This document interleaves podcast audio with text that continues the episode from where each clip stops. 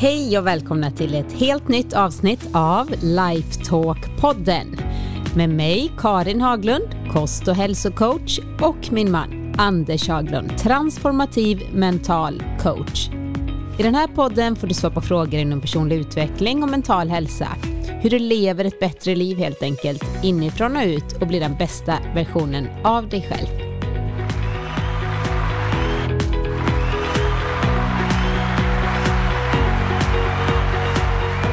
Hej Anders! Hej Karin! Då du, är det dags igen. Ja, då sitter vi här ännu Ja. en gång. Vår favoritsysselsättning. Ja, det är väldigt roligt att ha de här små tillfällena och eh, sitta och prata.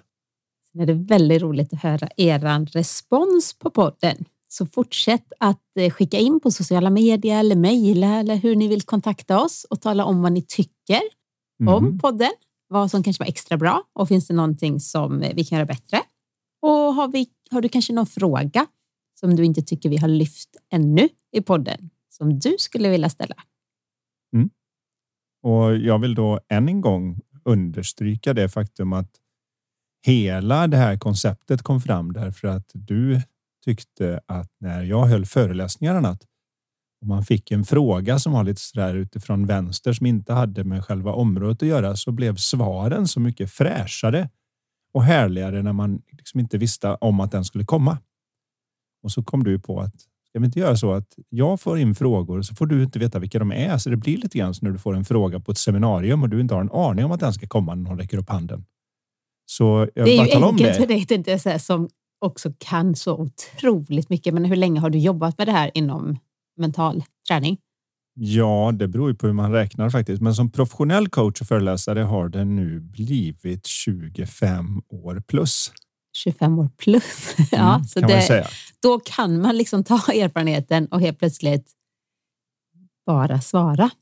Det kanske hade varit svårt för 25 år sedan att ha den här podden. Sen ska man ju veta men- att jag redan då när jag var 8-9 år, som min mamma som jobbade som utbildningschef på Försäkringskassan och hade lite idéer om det här med psykosomatiska sjukdomar och tankens kraft och allt det där faktiskt gjorde så att när jag sa att den här läxan kan inte jag och jag har inte hunnit med att läsa riktigt så läste hon in det på sin diktafon som hon hade på jobbet som då var stor, en stor grej. Det var inte någon liten. Jag kommer ihåg den där den var som en bandspelare. Så läste hon in hela min läxa och så ställde hon den jämte min säng och så sa nu sätter jag den på play och när du lyssnar så kommer du lära dig det här. Och om du sover så går någonting in medan du sover. Jag har ingen aning om vad hon pratar om. Men jag hade alla rätt på provet. Så ganska tidigt blev jag ju påverkad av den här lite annorlunda synen på hur det saker och ting fungerar. Jag kommer ihåg vi hade något möte där jag var tvungen att vara med för att jag inte hade någon annanstans att vara. Där hon pratade med läkare och andra och då hade jag just frågat mitt i alltihopa. Vad betyder psykosomatisk?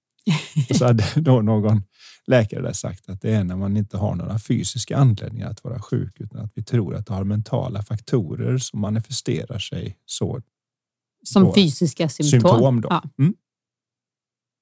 Och, att, eh, och då hade jag som liten som jag var sagt, men om man kan tänka sig sjuk, kan man inte tänka sig frisk då?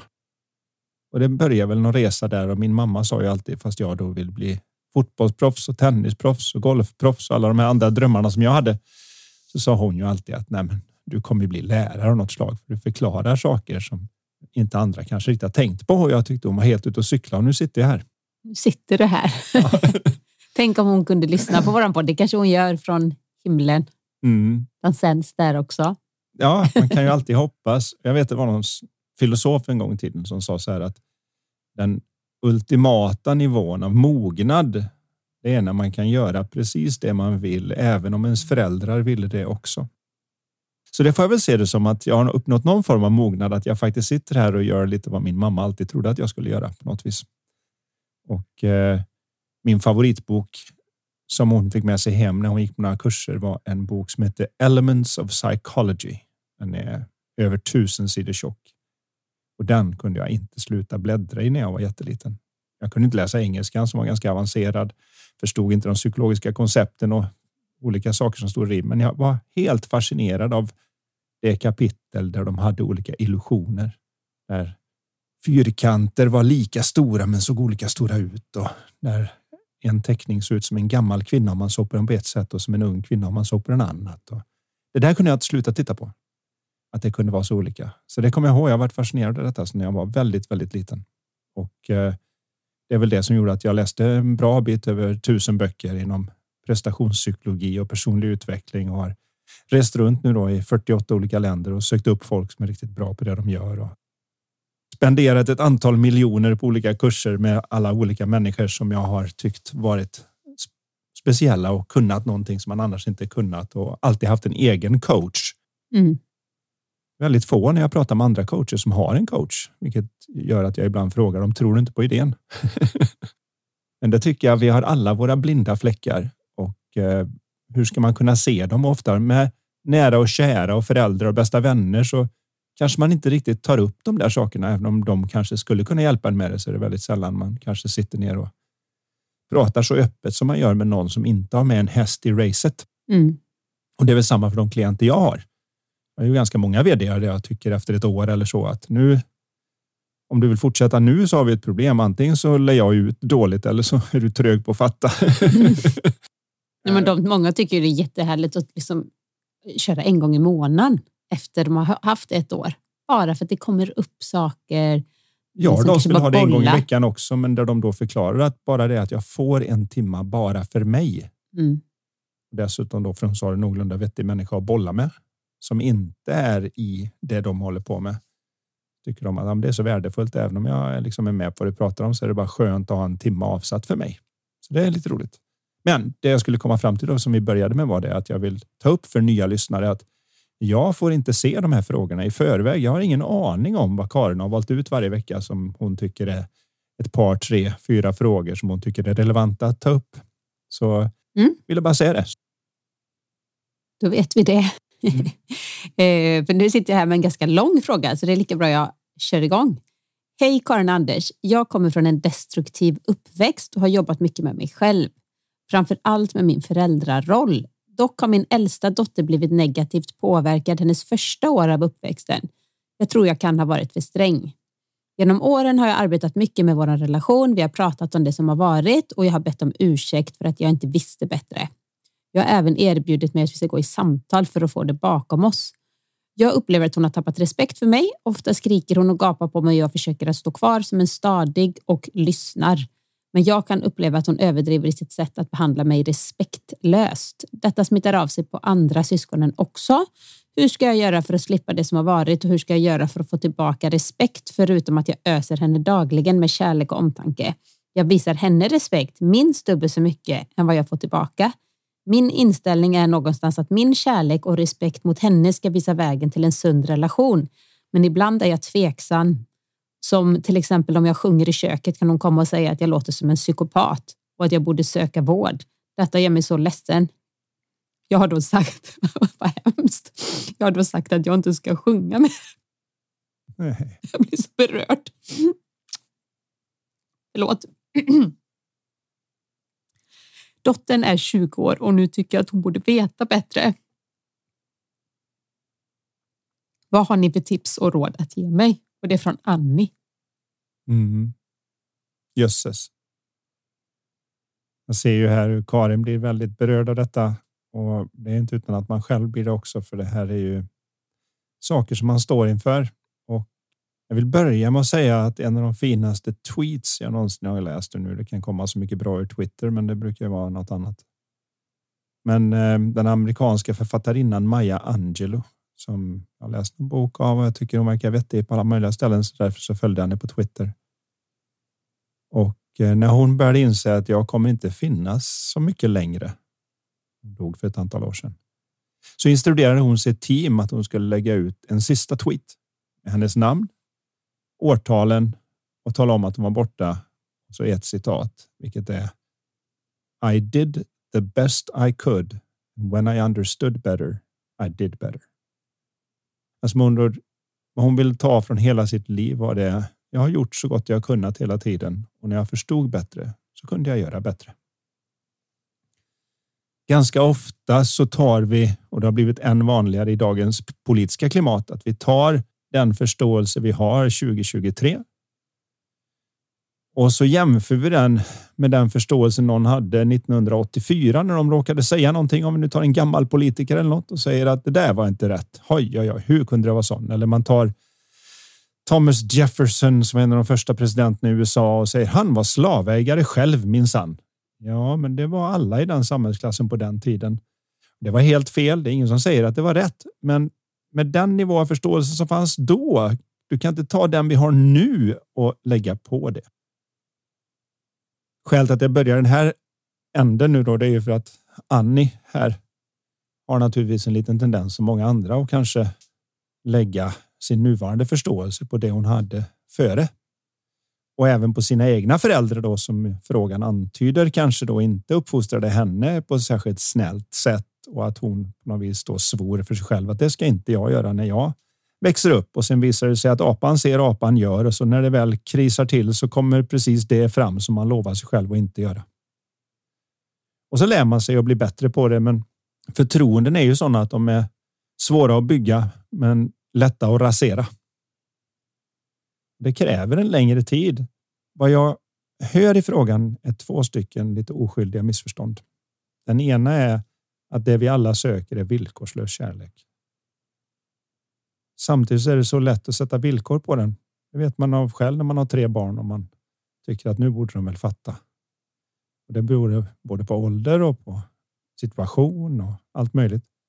Och i det här fallet så är det nu är hon ju 20. Då borde man kunna ta till sig vettiga vuxna argument och se att jag har gjort så gott jag har kunnat. Kan vi inte bara lägga det bakom oss? Men villkorslöshet är att man fortsätter göra det hon gör utan att man egentligen sätter en punkt där man säger att här ger jag upp. Eller här får det vara nog. Eller så. Det är det som är själva villkorslösheten. Den är inte lätt för någon. Men det låter för mig också som att det handlar mycket om att vara med på att hon behöver förlåta sina egna föräldrar för att komma helt ur den också. Mm. För jag tror, nu gissar jag bara så nu kommer Annie säga Anders, han är helt ute och cyklar kanske, men det känns som att hon för vidare från historiens vingslag någonting som föräldrarna gjorde i sig själv och att hon sedan då i viss mån skyller det på dem. För hade det inte varit för dem så hade jag inte gjort så här och se nu vad det har ställt till. Och där behövs det förlåtelse och förlåtelse måste man se att när man behöver ge förlåtelse för någonting så är det för att man har tankar i huvudet som skapar ett helvete för en själv. Så man förlåter inte någon annan för deras skull. Man förlåter för att slippa ha de smärtsamma tankarna hängande i sitt eget huvud. Och förlåtelse betyder inte heller att man tycker att det är okej okay, det som har varit, men man förlåter. Man förlåter det, det är ju en helt annan, precis, en helt annan sak. Jag tror att det är en sak som Annie behöver visa att hon klarar av att göra med generationen innan henne för att hennes dotter ska få ett exempel på hur hon kan göra med henne. Och hänger det kvar lite av den där surheten i det hela så är det svårare. Och det gäller att se att förflutna sitter inte och skjuter smärtsamma känslor över tid och rum, utan de kommer rakt via ens tankar i nuet. Så förlåtelse är mer att man så att säga, släpper en het, vass och kantig potatis ur sin egen hand och ser att det är tillåtet för mig att må bättre utan att ta upp det varje gång någonting drar upp igen. Jag tycker också att det låter som att Annie skulle må bra av att förlåta sig själv.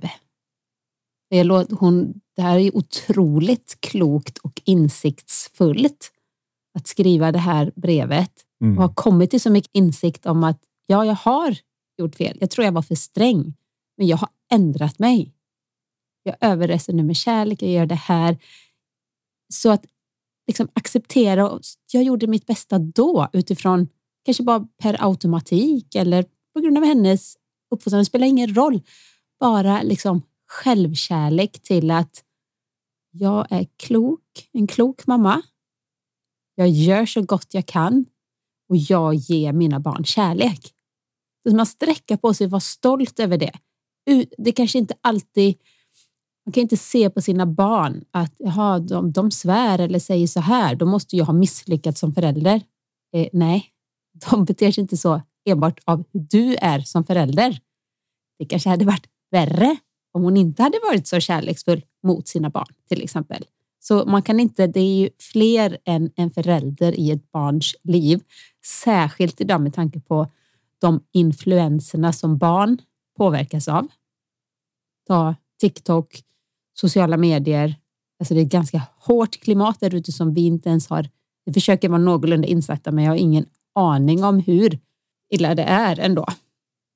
Jag skulle vilja säga också att det är så lätt att tänka att bara för att jag beter mig kärleksfullt och gör vissa saker så ska det så att säga funka och kliva in och rädda dagen som i en fin film där hjälten har sina problem men äntligen kommer till insikt och ber om ursäkt och talar om vad de har gjort och sen lever de lyckliga ever after.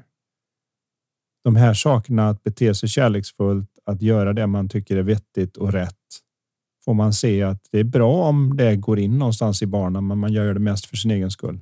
Det här är ingenting som ska funka. Det är så lätt att se det som är det här receptet nu? Nu är jag ju kärleksfull här. Och kanske det vi missar ibland är ju att det hjälper inte bara bete sig kärleksfullt. Det måste komma från den rätta känslan av värme. Och det vet alla som har barn att det är inte alltid när de beter sig mindre önskvärt, ska vi kalla det så. Som man. Även om man då tycker att man håller röstläget som en vettig människa. Man gör sitt beteende som en vettig människa. Man talar om vad som är fel och rätt som en vettig människa. Men är man riktigt ärlig så kanske man inte har någon större värme just då eller om det gick att mäta kärlekshormoner så kanske inte blodströmmen skulle vara full av dem i just det läget. Och tyvärr så är det ju så att barnen känner av det läget mer än vad man säger och gör. Och där kan vi alltid bli ännu bättre. Vi kan titta i den riktningen och se kan jag behålla en äkta värme och inte bara en skådespelad värme om vi säger så. För den är inte helt enkelt den där situationen när man står där och man är så investerad. Med ett så vill man att det ska gå bra för barnen om man vet att de ska vara lyckliga och två så vill man ju naturligtvis ha en bra relation med dem. Så att de vill hälsa på och vill ha en konversation och absolut inte ha den här orespekten som man kan tycka när de använder språk och försöker trycka ner och bete sig om man tycker att herregud, det är långt ifrån vad vi har tänkt oss. Det tror jag de flesta kan relatera till och det, det är svåra saker. Men som jag sa innan då, det, det, börjar ändå med att man tar en titt i riktning mot att det är möjligt att vara lite varmare och det är möjligt att förlåta både sig själv och generationen innan och se att Precis som Maja sa så är det så. Alla gör så gott de kan. Och när man förstår bättre så gör man bättre. Men för att det ska hända så behöver jag också se att förlåtelse är ett ord, men ingen vet riktigt vad det innebär. Men det innebär bara att jag inte längre tar de tankar på allvar som jag tänkte negativt om den personen. Att jag inte längre tar de smärtsamma tankarna i mitt huvud på allra största allvar. Det är att förlåta.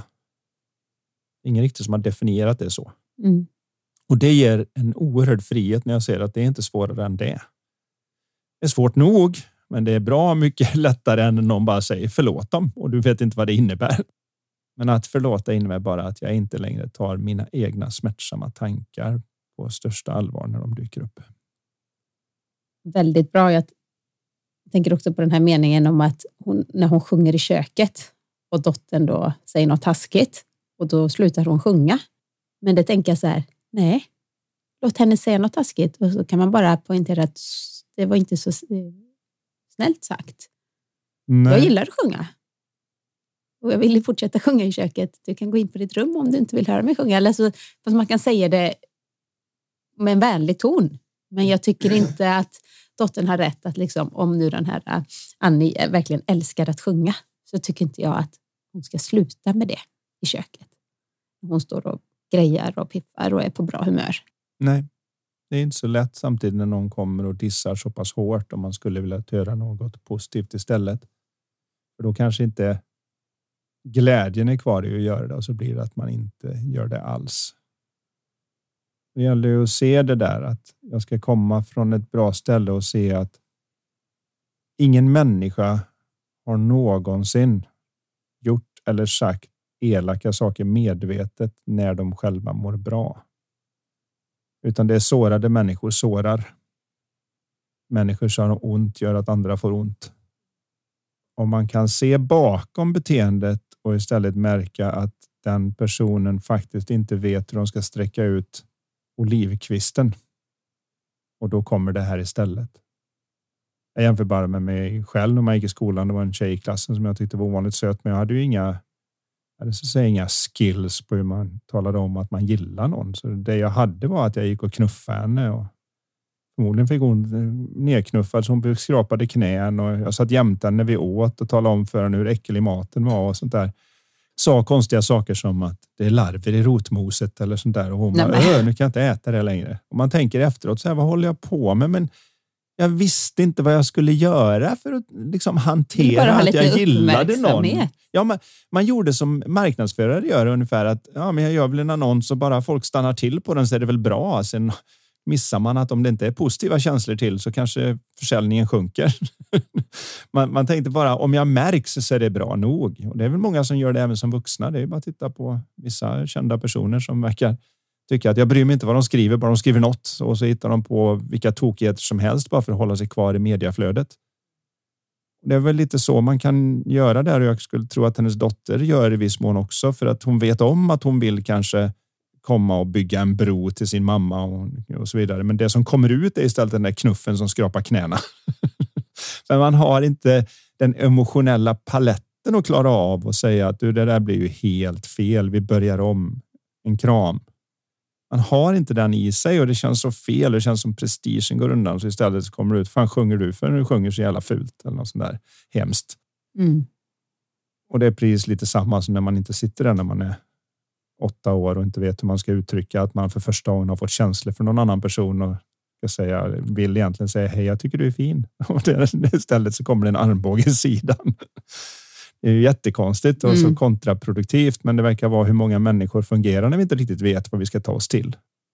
Det var därför man fick höra när man gick i typ mellanstadiet så här. Kärlek börjar alltid med bråk. Ja. Vi hade ett gäng med killar som liksom var men bråkiga och och liksom, ja men det där typiskt höll på att retas och ja. sånt där. Fast och man fattade inte det. De tyckte säkert att, åh, kan vi vara med varandra? Man tänkte bara, vad är detta för, vad jobbiga de är. Och det var så här, jag åkte konståkning, så var det några som åkte hockey och de höll alltid på så här, ja men ni konståkare, ni förstör isen och alltså de höll alltid på så där. Och jag tänkte, gör vi ju inte. Precis. Och så kunde de inte säga det. Min dröm vore att vara ihop med någon som är så söt som du som kan åka skridskor också. ja, precis. Ja, nej, men en, en eh, viktig fråga här som Annie skickade in och vi hoppas att du fick med dig ett litet nytt perspektiv som kan hjälpa er båda i er relation. Jag vill även säga att hon är på rätt spår där. Det gäller att stå fast i den där emotionella stormen och sättet att stå fast i och se att hur illa dottern än beter sig så kan hon faktiskt inte få Annie att må dåligt utan Annis tillåtelse. För det hon mm. känner kommer från hennes tankar om vad som pågår. Otroligt rätt att dras med naturligtvis när någon som man har så starka känslor för som ett barn mm. Eh, uttrycker de här men barn vet exakt var... Vilka knappar de ska trycka på. Och ju lugnare man är som förälder, ju djupare behöver de trycka in kniven för att få den effekten, förmodar jag. Så lättsårade föräldrar kanske inte behövs mycket mer än du är dum. För att de ska... Och så behövs det inte hårdare saker. Men någon som klarar av då att stå lite tryggare. Mm. När man vill se att man får en effekt så får man ta liksom kärnvapen. Som då till exempel, du sjunger jättedåligt, jag vill inte ha med dig att göra. Och där, där, där. Och det är klart, det blir jobbigare då. Men Just den, det att hon har tittat på det och sett att det är faktiskt sant det där som alla gurus sitter och säger och sånt. Att det spelar ingen roll vad frågan är så är kärleken svaret. Men det gäller att se att kärlek är det som är kvar när jag då inte tar de här smärtsamma tankarna på allvar. Det är inte att det är jag plus en massa kärleksfulla tankar, utan det är ja minus de där smärtsamma tankarna så är det fortfarande då är det som blir över det så att säga den här värmen som man har för sitt barn. Och från den värmen så brukar det så att säga lösa sig och även om det inte löser sig så är det mycket skönare medan det inte löser sig. Fint. Eh, vi går vidare med en till fråga. Hej, jag har precis blivit vd för en liten organisation och jag vill verkligen göra bra Eh, ifrån mig på jobbet. Inte främst för att det ska se bra ut i andras ögon, utan för att jag inifrån känner att mitt jobb är världens roligaste.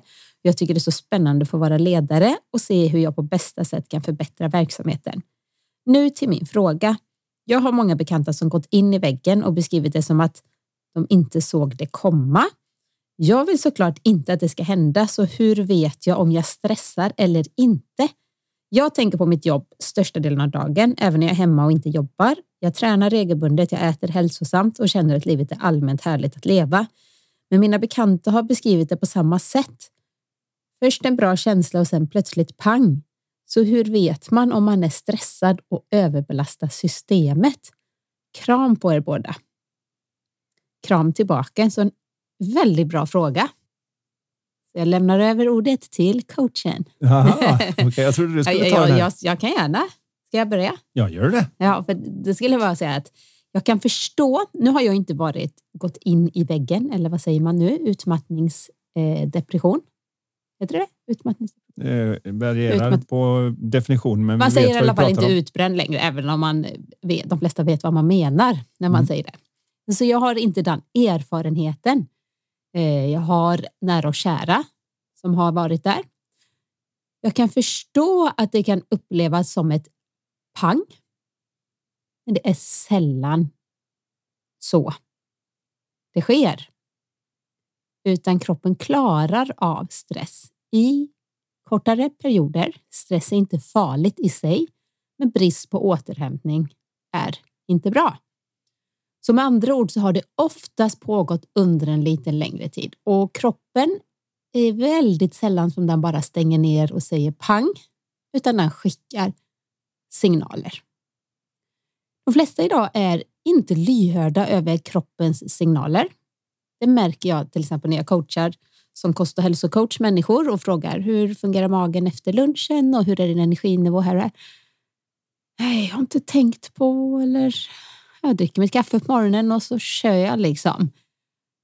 Och allt längre in i våran coachning och vårt samarbete så börjar de lyssna mera på kroppen. Och det är inte det att kroppen helt plötsligt signalerar mer att den här maten fungerar inte så bra eller oj vad jag känner mig energifylld eller oj vad jag är trött idag efter det här träningspasset utan de signalerna har alltid funnits där men man har blivit dålig kanske på att ta in och lyssna på kroppen. Så det här är ju jättebra att den här personen redan tränar regelbundet, äter hälsosamt och just har den här härliga positiva mentala inställningen. För det man kan vara uppmärksam på, det finns ju massor av olika symptom förstås, men om man inser att jobbet börjar ta så mycket tid att man, det går ut över träningen. Man tar så att säga träningstiden till att jobba. Man eh, kanske sitter slänger i sig något mindre hälsosamt framför en dator. Och man märker att man inte kan sova bra. Det är ju faktorer som man bör vara uppmärksam på och justera. Det är som sagt var inget farligt i kortare perioder. Men man ska vara medveten om vad det är som påverkar. Så det, jag skulle bara säga att jag kan förstå att när man ser tillbaka då, hur kunde det här hända? Så ja, om de verkligen är rannsaka sitt beteende och kunde gå tillbaka och känna hur kroppen kändes, hur man mådde mentalt och så vidare, så är det väldigt sällan det bara säger pang. Det kan säga pang i den mån att kroppen till slut inte orkar mer, man kommer inte upp ur sängen. Men det var inte som så att gårdagen var där man var hälsa i toppform och i mental balans. Eller vad säger du? Ja, nu hoppar jag in i matchen här. Mm. En av mina favoritmetaforer för det här är ju en sak som inte många faktiskt känner till och det är att vi fram till 2014 så i varje kolgruva så använde man sig av kanariefåglar. Och varför hade man då kanariefåglar? Jo, för kanariefåglar de har så enormt snabb ämnesomsättning så att väldigt liten nivå av giftämne i luften gjorde att de kola vippen. Och kanariefåglar har också den egenheten att så länge de är vakna så sjunger de. Man tog med sig en kanariefågel ner och när den satt där och kvittrade så var allting lugnt. Om kvittret upphörde så visste man nu gäller det att ta sig ut ur gruvan illa snabbt. För att nu är det en gifthalt här inne som har börjat. Vi har hackat hål på någonting. Vi har fått in gas i gruvan. Någonting har hänt och det räddade tiotusentals liv att ha med den där kanariefågeln. Och varför slutar man 2014? Jo, för då hade man för första gången uppfunnit en digital variant som kunde känna av lika små variationer i giftmängd i luften som en kanariefågel klarar av och då var det bättre att ta med det nere än att ha en liten kanariefågel med sig i gruvan. Då kan man undra varför berättar jag om detta till den här frågan? Men det är för att de flesta märker inte när kanariefågeln slutar sjunga i dem. Och det är då man behöver göra det. Det är för sent när gruvan redan är fylld för då trillar man ihop. Och precis som du nämnde där så händer det inte så pang bom som de flesta tror, utan men det är så små gasmängder att man som människa så märker man det inte fast kanariefågeln för länge sedan har slutat sjunga. Det kan till exempel hända att partnern, att eh, släktingar, nära kära kollegor, om man får intervjua dem sen, har upplevt att ja, men någonting är annorlunda eller ja, de är mer disträa. De eh, kanske kastar ur sig lite små saker och är lite mer irriterade. irriterade och så vidare. Så det är en sak som man kan se då. Den andra biten är ju det att skälet att jag överhuvudtaget börjar kräma ur alla de här kemikalierna och signalsubstanserna som då är det som bränner ut mig egentligen. När man då pratar om vad är det som händer i kroppen så är det ju att jag har för mycket adrenalin, för mycket kortisol och lite andra såna här substanser i systemet. när de får flöda fritt och jag inte blir av med dem så är de destruktiva i systemet fast de är väldigt konstruktiva om jag behöver springa snabbt eller slåss eller klara mig när jag då råkar ut för att ett lejon anfaller mig eller något liknande. Idag finns det inte så mycket lejon, men jag kan uppleva det som att en full inkorg är som ett lejon. Blir lite att om jag mätte i blodströmmen skulle vi kunna mäta på att det är samma substanser där i, samma stresspåslag som om det vore. Och då behöver vi titta ett steg bakåt, för jag gillar att titta bakåt i systemet. Och då är det att de flesta tänker på oro som när jag ligger och ältar saker. Jag skulle ge en helt ny definition på vad oro är för mig när jag coachar. Oro för mig, det är när du använder ditt sinne på ett sådant sätt att ditt humör sjunker. Ditt humör sjunker din tankekvalitet. Och det är lätt att mäta på. Som andra ord, om jag har ett verkligt problem. Vi säger. Jag har haft någon klient som fick en skrämsel på att de sa att du har förmodligen en tumör på din urinblåsa. Och så flyger de till London för att kolla upp hela grejen. Och från det att de tar sina nya tester på måndagen och tills de får testsvar på fredagen så har de både begravt sig själva och fastslagit att det inte är några som helst problem och det kommer lätt att då ta bort och så är det ingen fara och så lever jag som vidare som vanligt. Ingen ny information har tillkommit, så det innebär att när oroar de sig? De har ju så att säga en verklig anledning att oroa sig. Oroar man sig om man tänker på någonting som faktiskt kan vara livshotande eller är det bara att vara vettig? Och då vill jag säga att de gångerna på tiden mellan måndagen och fredagen där de sänkte sig själva och nästan då låg i fosterställning och var hundra på att det var dags att skriva testament och jag ska dö. Då oroade man sig. Och när man tänkte på det, men tänkte på det på ett bättre sätt för jag har ingen information så mitt humör är intakt. Då oroade jag mig inte. Men det är mera liksom, man kan ju vara mentalt klar eh, ja. i, i den här situationen och då blir det tydligt att okej, okay, om jag nu får det här beslutet på fredag, då ska jag eh, göra så här och så här och så här. Eh, och man, det kommer fram kanske liksom saker som att oj, jag, nu, nu är jag verkligen motiverad att förbättra min hälsa, min kost. Oavsett vad beskedet liksom, talar om så kommer jag ja, börja träna. Alltså det kanske mera bara så här logiska som ser, ja, men, det ser vettigt ut för mig, det jag är just nu. Men jag tittar då på den helt känslomässiga komponenten i detta. Att när min kanariefågel slutar sjunga, som andra ord, det känns inte lika ansträngningslöst i mitt system. Då är det varningstecknet på att just nu använder jag inte mina mentala fakulteter på något vidare bra sätt. Det innebär att jag oroar mig för jag sänker mig själv just nu.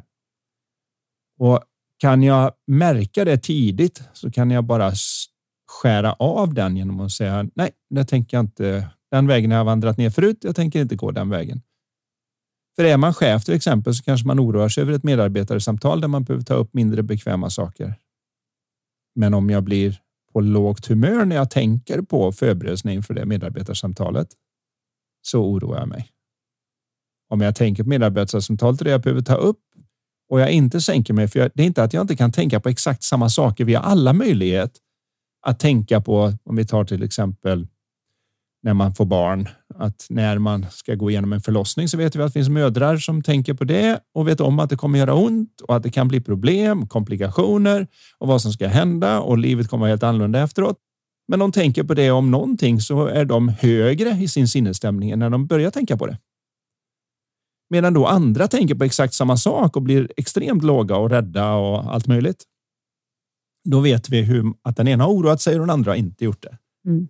Så det är ingenting med den faktiska situationen att göra, vilket då den som oroar sig tycker att det är. Ja, men det är ju på grund av att det är så här som jag är orolig. Istället för att säga att nej, jag är bara inte riktigt bra på att känna igen när min kanariefågel har slutat sjunga och slutat ta det jag tänker på allvar då. Det blir också en vanemässig, Ja. eh, alltså som du är bra på att oroa dig inom ett område så är du ofta bra på att oroa dig inom ett annat område och sen så applicerar du det tänkandet på mycket och då upplever du dig själv som kanske mer och mer stressad. Ja, du kommer ju känna dig mer och mer stressad om du blir duktig på att oroa dig och de flesta som oroar sig gör ju det med väldigt goda intentioner för de är ju säkra på att oron ska hålla dem safe. Så att om jag oroar mig tillräckligt så kommer inte det dåliga hända. Alternativ två, om jag oroar mig tillräckligt och det dåliga händer så är jag förberedd så slipper jag bli besviken. Och så länge jag tror att det är så så är det ju extremt svårt att släppa oro. Men om jag kan se att det bara är en låg tankekvalitet och att jag kan och har möjlighet och att alla människor i hela världen har möjlighet till att bortse och så att säga tappa bort de tankarna och gå upp i humöret och att de faktiskt då blir bättre på att både hantera, planera och ta hand om det som de då egentligen oroar sig för. Om de såg att det var vettigt på något vis så skulle det vara mycket lättare att släppa oron. Mm. Och det är vad det handlar om. Och därför kan någon då jobba hårt och bara känna att wow, det här är livet. Och har ingen dag där det plötsligt går pang in i väggen. Medan andra jobbar mindre hårt och ändå går pang in i väggen. Och det är för att den mentala komponenten att känna igen sina egna personliga kanariefåglar är så stor. En av de största kanariefåglarna för mig är när jag märker att jag blir irriterad över sånt som man normalt sett inte blir irriterad över. Alltså små saker. När plötsligt det räcker att någon säger två ord och man, man morrar till nästan in i sig själv eller man ser att en sak inte riktigt ligger där man har hoppats på det. Då vet man ju, ah, okej. Okay. Kanariefågeln har slutat sjunga för ett bra tag sedan. Nu tycker jag man märker bara att man har haft ett par nätter med sämre sömn. Så har man ju en kanariefågel som är, då kan man liksom kanske, eller jag, triggas igång lättare av vissa saker som för jag är inte ens utvilad. Och andra gånger så händer det att man inte blir det fast man inte har sovit.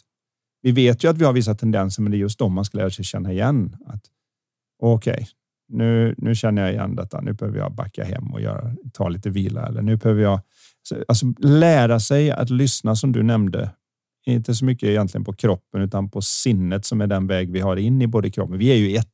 Det är lätt att tänka lite som Nietzsche eller någon att vi är separerade knopp och kropp, men vi är ju en, en enhet. Och vi kan alla i varje fall känna igen den här känslan av att nu är det inte riktigt lika skönt här inne som det brukar vara. Om man då kan se att ah, min kanariefågel sjunger inte. Det är lite gasigt här inne i gruvan.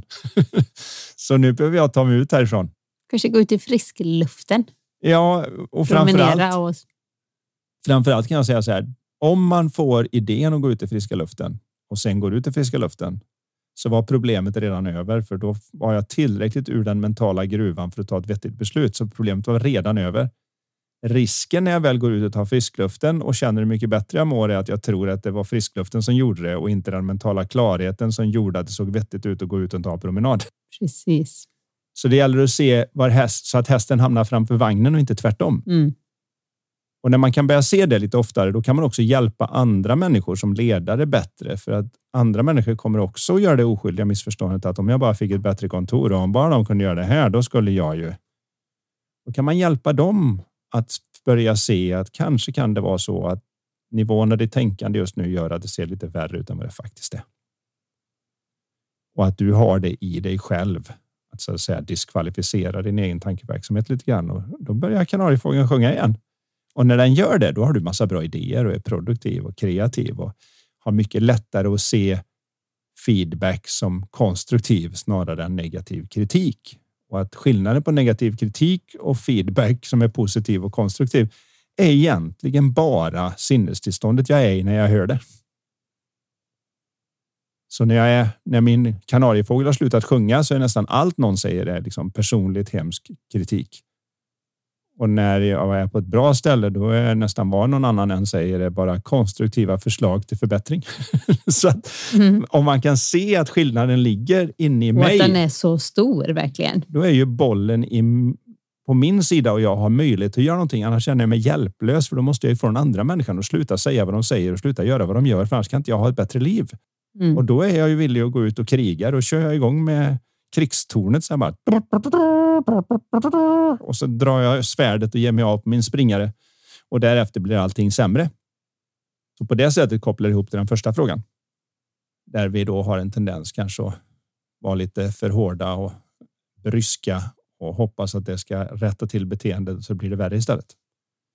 På samma sätt gäller ju med oss själva då när vi vill undvika den där smällen som det pratas om som inte mm. är en smäll utan som är uppbyggd bit, men där man då kommer till ett läge där det var den sista droppen som fick bägaren att rinna Precis. över.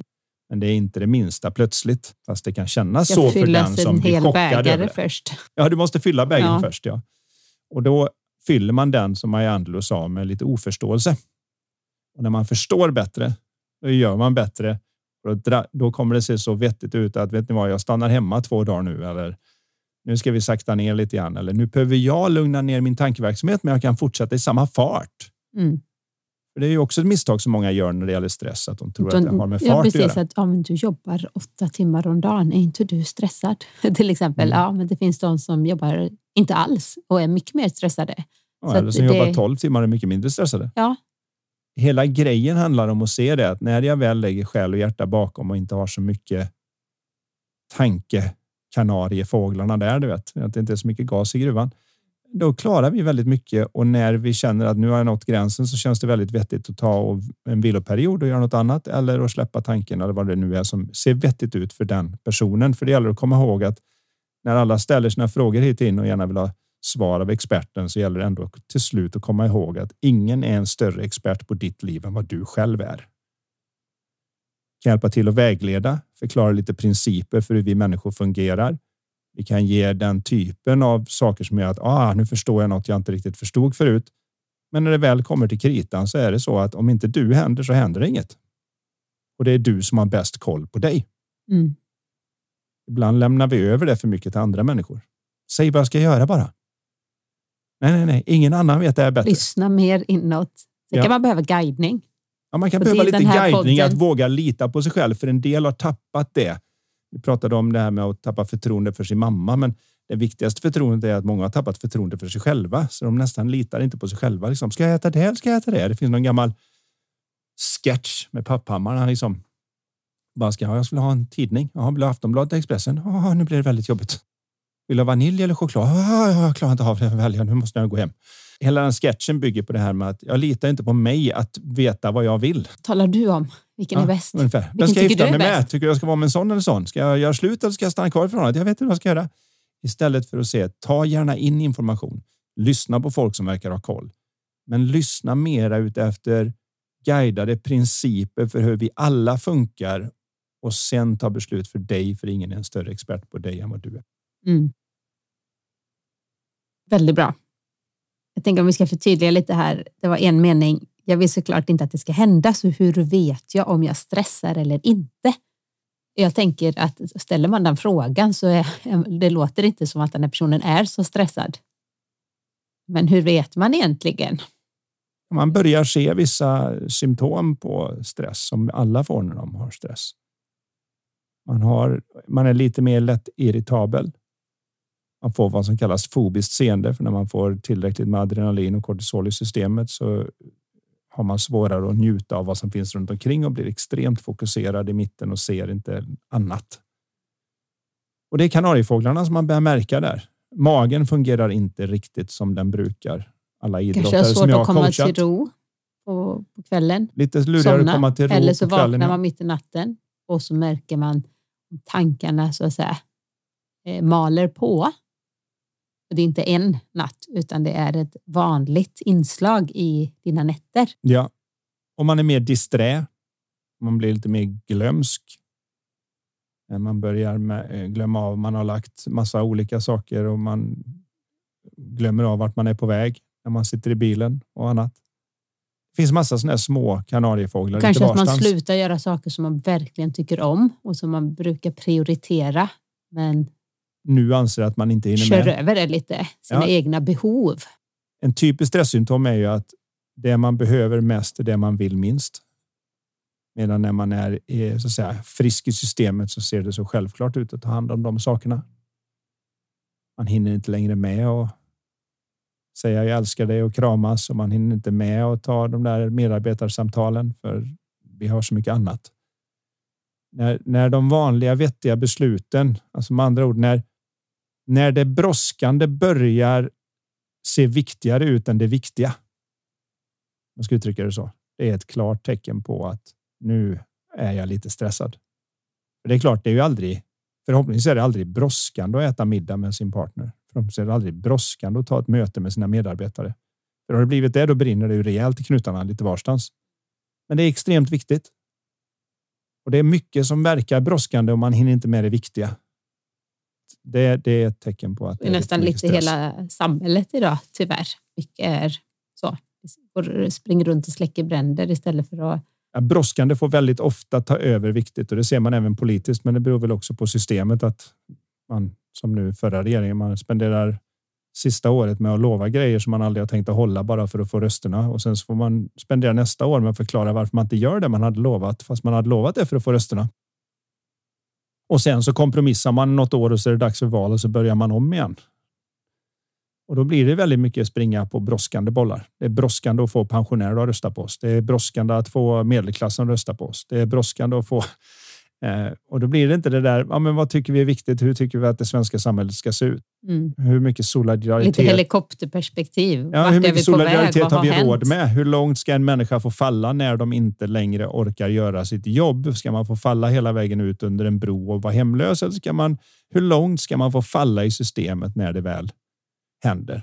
Det är en viktig detalj. Hur långt ska vi ha gratis utbildning för människor? Ska man ta det på skatten? Hur viktigt är det att ha en välutbildad befolkning? Jämfört med att mestadels eliten som verkligen är drivna och vill ska få chansen.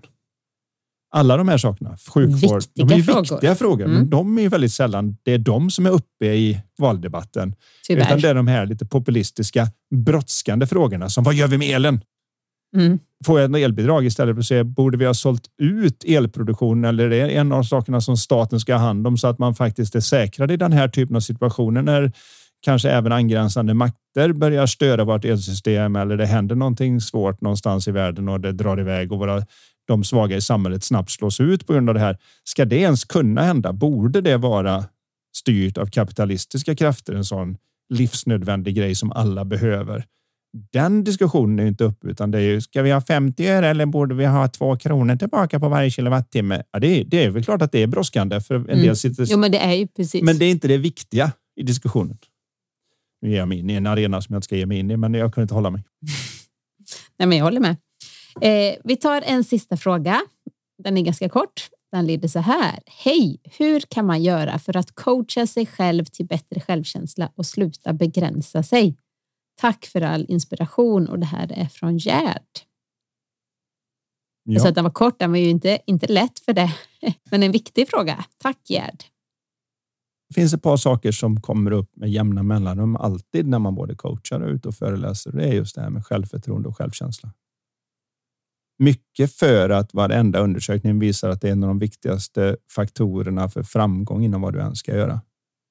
Ingen roll om du har, ska ut och sälja eller om du ska kanske se hur långt du kan hoppa.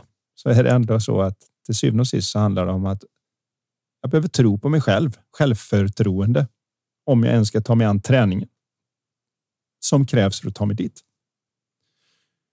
Nu brukar man ju sära på självförtroende och självkänsla men på det sättet att självförtroende är en ens egen tro på förmåga inom ett specifikt område medan självkänsla är en rejäl allmän idé om mig själv att jag, jag, tycker om mig oavsett vad jag håller på med. Det gör att jag kan ta mig an saker där jag kanske inte är så duktig och ändå skratta åt mig själv när jag inte klarar av att kasta bowlingklotet. Eller, eh, man kanske inte har självförtroende för bowling, men man har en bra självkänsla, självkänsla så man vågar ge sig hän. Och är fine när man kastar ner den i rännan på sidan eh, Man vet att man gör så gott man, man kan. kan. Så. Ja. så det är så man brukar separera självförtroende och självkänsla. Det är bara att ta upp det så att om det är någon som grunnar.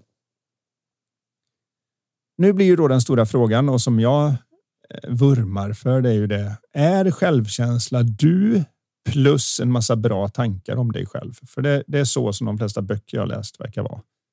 Ställa sig i spegeln och titta sig djupt in i ögonen och säga jag gillar mig själv, jag gillar mig själv, jag gillar mig själv, jag gillar mig själv, jag älskar mig själv, jag älskar mig själv, jag är så bra.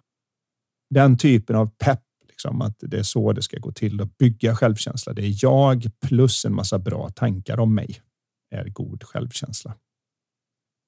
Nu vill jag påstå att nej, det är bara att titta på vilka småbarn som helst så verkar de ha ganska skön självkänsla. De tar sig an och ställa sig upp och ramla ner med samma entusiasm. De skriker en stund och ser de sig på det igen.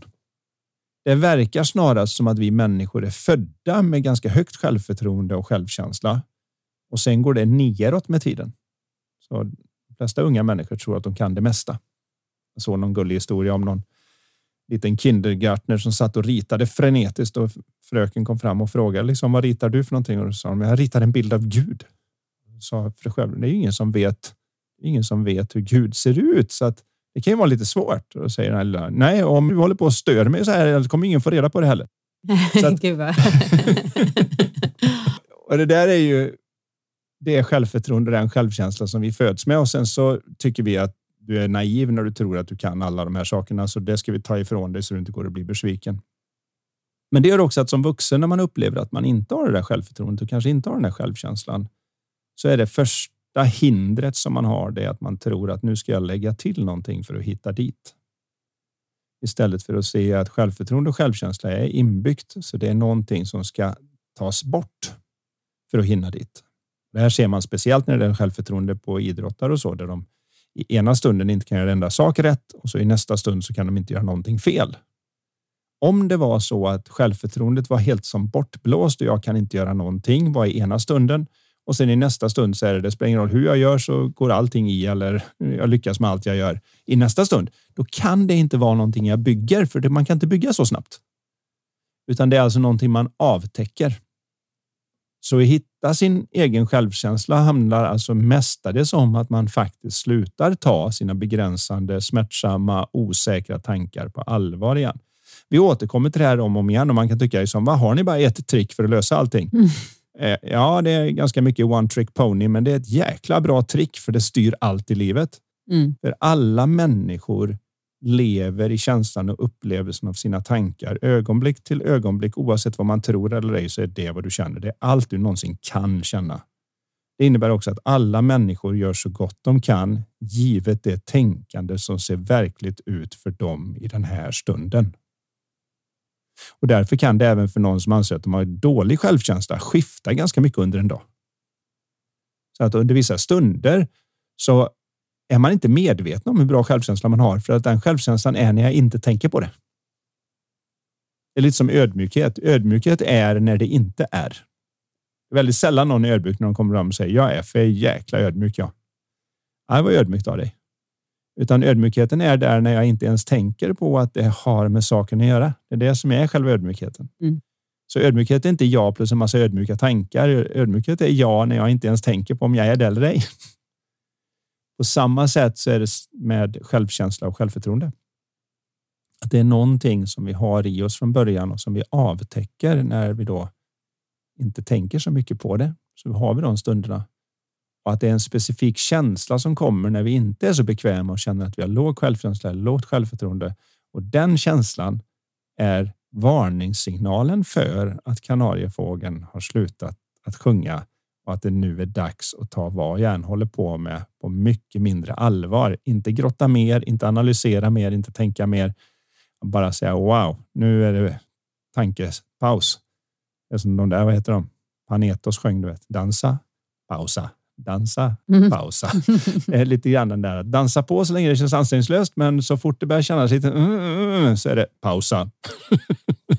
och jag vet att det kan låta lite generaliserande och kanske även lite raljerande, men det är fortfarande sant. Och att det är vägen ut och vägen att hitta sig själv, inte åka runt halva jorden. Jag hade ju någon psykolog som kom till mig för ett antal år sedan och sa det att ta mina sista klienter nu för jag måste åka till Indien och hitta mig själv. Och jag sa det direkt att det kan jag hjälpa dig med med en gång. Du behöver inte åka till Indien. Alltså kan du? Vad, vadå då? Nej, du är här. Han tyckte inte det var alls roligt. Eh, men problemet är ju att åka till Indien och sätta mig på någon ashram så i nyhetens behag så tänker jag kanske inte vad jag brukar tänka och då känns det nytt. Men efter ett par månader så börjar jag tänka vad jag brukar tänka och då känns det precis som det gjorde när jag, därifrån jag kom. Då får man hitta nytt ställe igen och ett nytt ställe igen och ett nytt ställe igen. Men den bästa platsen på jorden kamp. är ju inte en plats, utan det är ju ett sinnestillstånd och det sinnestillståndet är mitt eget sinne utan osäkra tankar tagna på allvar. Och det bästa är att det finns tillgängligt för oss 24-7, alltid. När bara vi inte veta begränsar det. oss. Bara att vi precis bara vet det. Det betyder inte att, att vi är där 24-7, för då hade ju du och jag som ändå jobbar med detta och pratar om detta och coachar om detta varit där hela tiden. Och så underbar, härlig självkänsla och självförtroende och mental klarhet hela tiden. Eh, men så är inte fallet. Nej. Men vetskapen att, att vi har tillgång till den gör att stunder även som känns tuffa, jobbiga, osäkra tankar och så vidare, man faller inte lika djupt. Man har någon form av ja, pausa. Det dyker upp där liksom.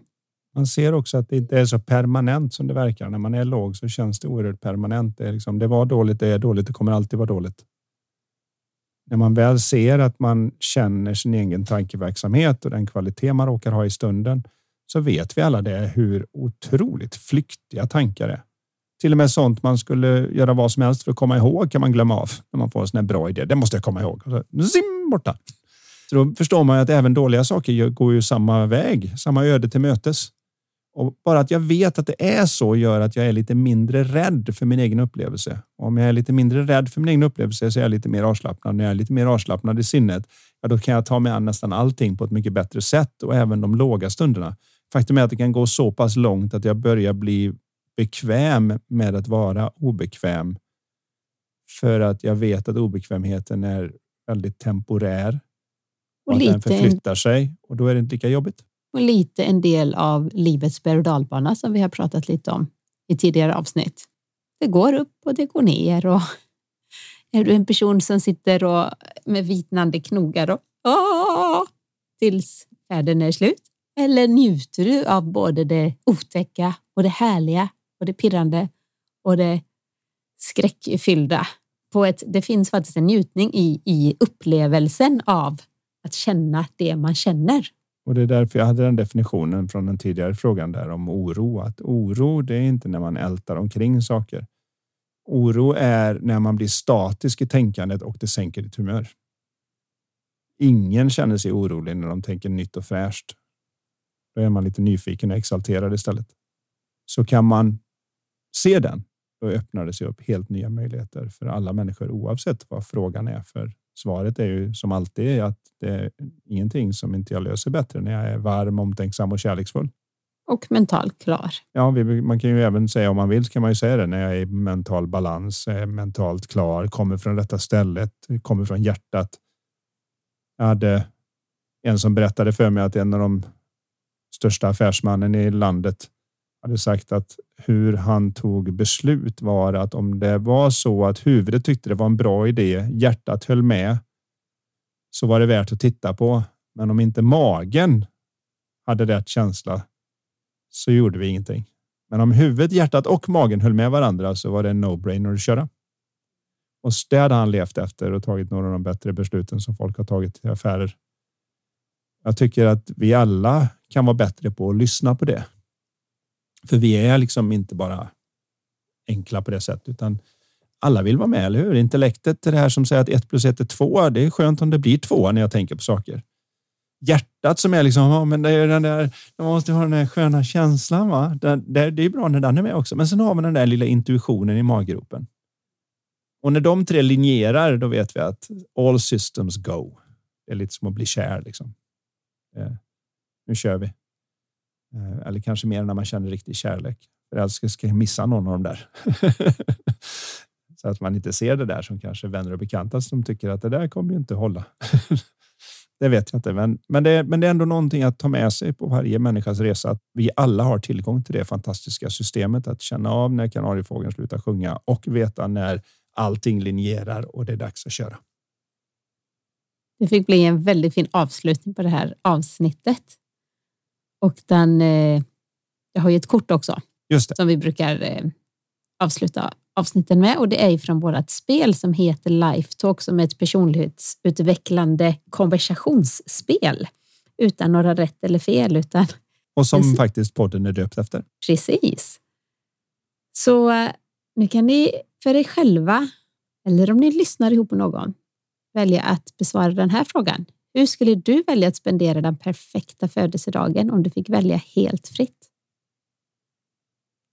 Mm. Dun, dun, dun, dun. Får man fylla år oftare?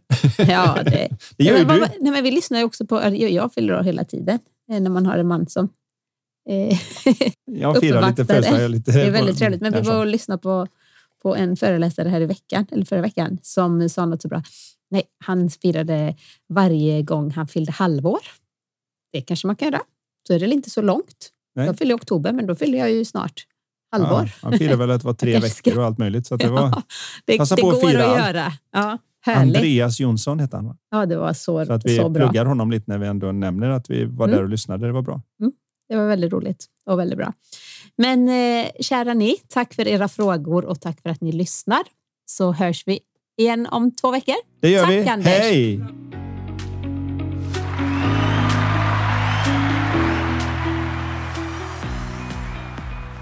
Du har lyssnat på Lifetalk-podden. Vi vore så tacksamma om du vill lämna ett betyg och eller en recension i iTunes. Dina frågor de kan du skicka till oss på lifetalkpodden.se. Spelet Lifetalk finns också att beställa där. Vill du komma i kontakt med oss rörande samarbeten, coaching, föreläsningar och event? Då kan du mejla till karin lifevision.se. Tusen tack för att du har lyssnat. Och du, gillar du podden? Dela den gärna vidare och tipsa om den i sociala medier. Låt oss tillsammans göra världen lite mer mentalt välmående.